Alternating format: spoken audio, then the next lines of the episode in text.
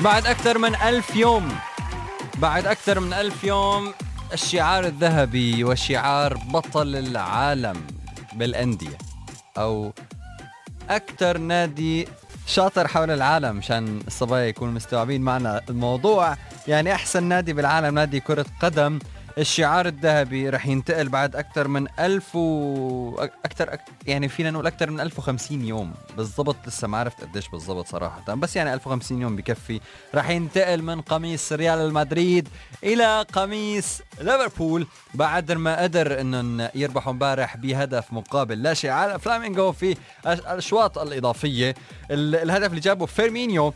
والمباراة اللي كانت تكتيكية بشكل كتير عالي ولكن مبروك لليفربول بشكل عام ومبروك لمحمد صلاح بشكل خاص ثاني لاعب عربي يحصل على كأس العالم للأندية. أشرف حكيمي أول مرة أخذه مع نادي ريال مدريد. وهلأ محمد صلاح كمان بياخده مع نادي ليفربول وأخذ جائزة أحسن لاعب في البطولة عن جدارة وقدر إنه يفرجي العالم كله موهبته بشكل كتير حلو. كمان الملفت كان تصريحات محمد صالح لما قالوا له كيف شايف لسه لقدام ليفربول؟ فقال لهم أنا الأمور كتير منيحة. فرجعوا سألوه إنه كيف شايف الدوري؟ هل رح تقدروا تربحوا الدوري؟ فقال لهم نحن راجعين بدنا نربح الدوري وبدنا نربح دوري أبطال أوروبا كمان مرة. فبالتالي في روح تحدي كتير كبيرة وكتير قوية كانت عند محمد صلاح.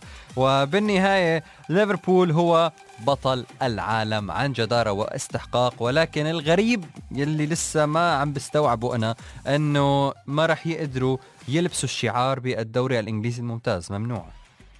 ما عم بفهم ليش وما عم بستوعب ليش. يعني شعار مثل هيدا كل أندية أوروبا أو أندية العالم بس تحصل على هيدا اللقب فبحطوا الشعار الذهبي على القميص لمدة سنة كاملة. للسنة الجاية لنشوف مين راح يربح اللقب مرة جديدة ولكن ما راح يقدروا يلبسوه بالدوري الإنجليزي الممتاز. قال والله ما بصير تلبسوه لازم تقدموا طلب. كيف؟ ما بعرف.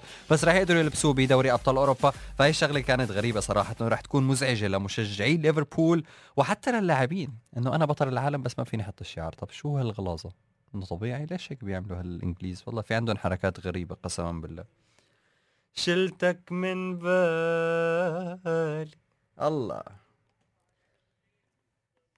يا حبيبي يا غالي.